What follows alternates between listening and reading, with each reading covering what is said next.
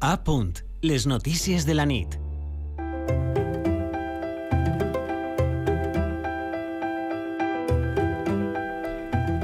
Moltes són les ONGs i persones individuals que han desplegat un important dispositiu d'ajuda a les persones que fugen d'Ucraïna després de la invasió russa a este país. Des d'aquell moment, més de 3 milions de persones han creuat la frontera ucraïnesa, deixant darrere les bombes i els combats cos a cos, però també la casa i la majoria de coses que posseïen, a més de deixar persones estimades. En les notícies de la nit a esta hora Parlem amb Jaume Durà, responsable de l'equip jurídic i incidència política de la Comissió d'Ajuda al Refugiat al País Valencià, CEAR, País Valencià. Bona nit. Què tal? Bona nit. Recordem que CEAR té com a objectius la defensa del dret d'asil i els drets de les persones refugiades, apàtrides i migrants vulnerables amb necessitats de protecció internacional i o eh, que estiguen en risc d'exclusió social al mateix temps que treballen per a afavorir els processos d'integració social d'aquestes persones al País Valencià. Hem de dir que la Comunitat Valenciana facilitarà l'acolliment a unes 2.500 persones procedents d'Ucraïna en els pròxims dies, segons les xifres facilitades per la Comissió Mixta d'Atenció a les Persones Refugiades, de la qual forma part CEAR. I, Jaume, en primer lloc, m'agradaria saber si el cas actual de persones refugiades d'Ucraïna és un tant diferent o és igual al que atenen habitualment des de SEAR i quines serien les diferències si les hi ha? CEAR porta més de 40 anys en l'atenció de persones migrants eh, refugiades apàtrides, com bé deies, i, i durant el temps, bueno, en el meu cas jo porto 15 anys així a la casa i, i durant eh, tot aquest temps pues, hem vist eh, pues, diferents perfils de persones, moltíssimes sol·licitats d'asil i apàtrides que, que han arribat i que han anat arribant en, en, com a conseqüència de conflictes i guerres i per persecucions individuals i discriminació i vulneració de drets. No? Aleshores, sí, estem veient que, que és un cas especial en el sentit sentit de que s'ha aprovat una directiva, una directiva que veníem demanant eh, entitats com CEAR mm, des de fa molts anys per a l'aplicació, per exemple, en el cas de les persones de Síria eh, o d'Afganistan, i no s'havia aplicat fins ara i ara sí que s'està aplicant. És una directiva que permet que els països europeus eh, puguen eh, otorgar un permís de treball i residència a les persones d'Ucraïna de forma bastant ràpida en un primer moment i una lliure circulació de persones d'Ucraïna dins de la Unió Europea. Per tant, hi ha una especialitat en aquest cas. No? Nosaltres el que volem destacar que és que no sols estan les persones d'Ucraïna, que, que, que sí que volem fer eh, esta, esta acollida el millor possible i que es documenten el més aviat possible, però no podem oblidar també la resta de persones solites d'asil apàtrides que hi ha eh, pues, pues de molts països diferents, de Honduras, de Colòmbia, d'Afganistan, de Palestina, que no podem de deixar de, de, de pensar en elles i també hem de continuar posant en marxa l'acollida i sobretot que les administracions redoblen esforços per a l'atorgament d'algun tipus de protecció, igual que l'accés al procediment d'asil per a la resta. Uh -huh.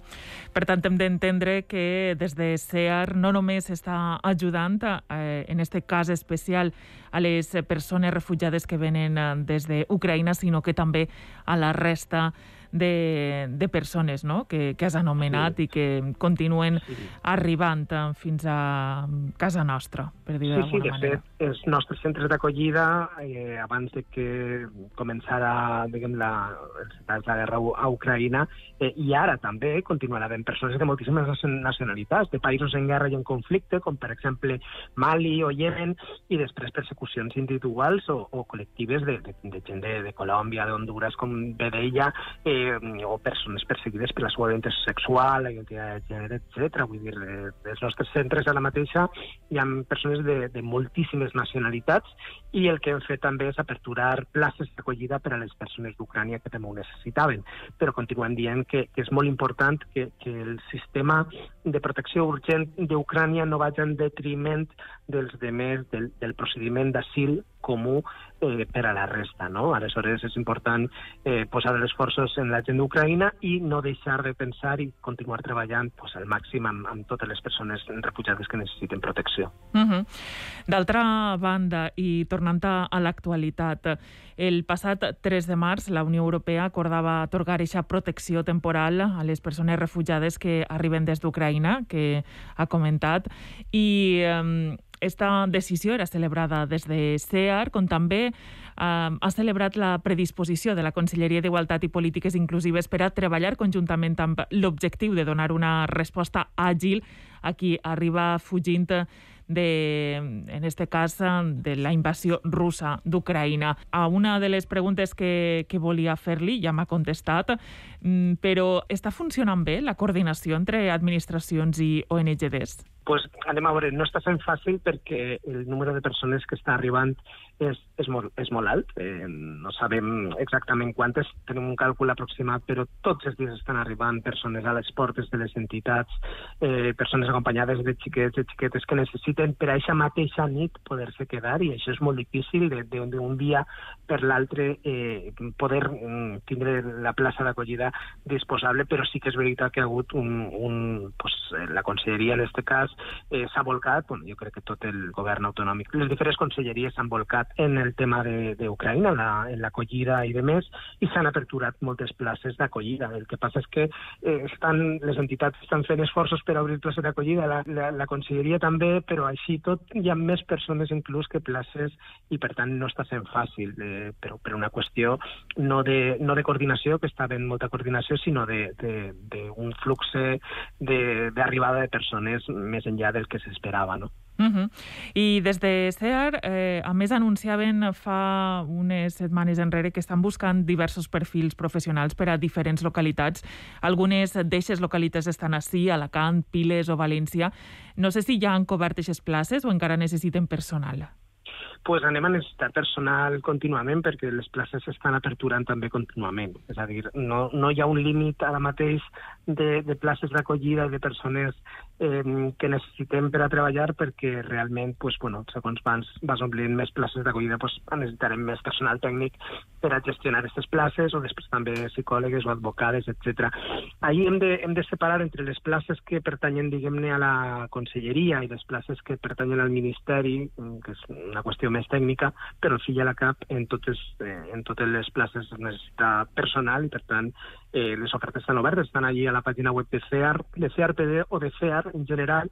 Al final de la pàgina, en el Trabaja con nosotros, es diu el link, es pot entrar i veure els puestos de treball que s'estan aperturant en València com en altres llocs. Uh -huh. I CEAR també ha llançat una campanya anomenada Necessitats Urgents. Quines serien eixes necessitats i, i com es pot ajudar? Clar, allí també estem sempre un poc en contacte amb les organitzacions que treballen sobre el terreny. Hem escoltat estos dies clarament que, que determinats materials o menjar, etc no fa falta ara mateix i, o inclús pot pertorbar l'enviar massivament els materials. Aleshores estem un poc al que ens diuen les entitats. Ahir, a través de la coordinadora valenciana de ONGDs, amb la que estem treballant, eh, pues es poden veure en les pàgines web de la coordinadora, la pròpia DCA es pot veure eh, en funció dels, dels, dels materials que es tinguen o d'allò que es necessite, on pot anar destinat. No?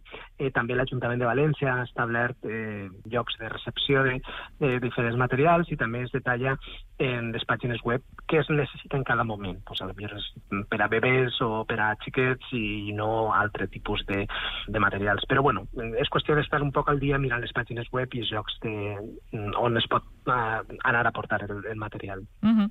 I una última pregunta. Diferents ONGs han advertit de del perill que les màfies actuen en la frontera amb Ucraïna amb les persones que fugen de la invasió russa. Des de que s'ha fet eixa crida s'ha millorat, no sé si saben si s'ha millorat la seguretat d'aquestes persones, perquè sobretot hem de recordar que són dones i, i xicalla, o, o, o encara falta doncs això, no? que, que hi hagi més seguretat per a totes elles ens preocupa molt aquest tema, perquè hem vist ja, tenint persones que han arribat així, gent que acull a certes persones que després eh, pues realment no sabem si, si quan no puguen acollir, si faran que aquestes persones treballen per a elles o pues, mos podem pensar, no? És a dir, eh, a part de les màfies, no? A part de les màfies, donar-se compte que quan hi ha una necessitat sempre hi ha algun espavilat o alguna màfia que es val de les circumstàncies aquestes, no? Estem parlant de dones i xiquets, en molts casos, de, de moltes persones, i tenim molta por de que, de que puguen caure en, en, en xarxes de, de tracte amb fins d'explotació laboral o sexual, etc. no? I això és molt preocupant. Sabeu que el tema de, dels xiquets menors no acompanyats és, és un tema molt delicat, és un, és un tema que pot ser caràcter delictiu en un conflicte, quan eixen xiquets o eh, ningú pot endur-se xiquets a sa casa ni, ni res d'això. Això és una cosa que ens preocupa molt. Ara estar tot sota la conselleria, en aquest cas, qualsevol menor no acompanyat que arribi a d'estar eh, tutelat per la conselleria, per tant s'ha de posar en, en informació a la conselleria, en coneixement d'aquestes arribades, i, i ens preocupa molt perquè no sols és la eixida i l'arribada, sinó també el futur, el futur d'aquestes persones que, malgrat puguen tindre un permís de treball i residència en curt termini, se les puga explotar laboralment, etc. no? amb allò de, de que, clar, acabes d'arribar i no, te, no, no coneixes els teus drets i aleshores a canvi d'una mm, casa un lloc pots treballar o una cosa així. No?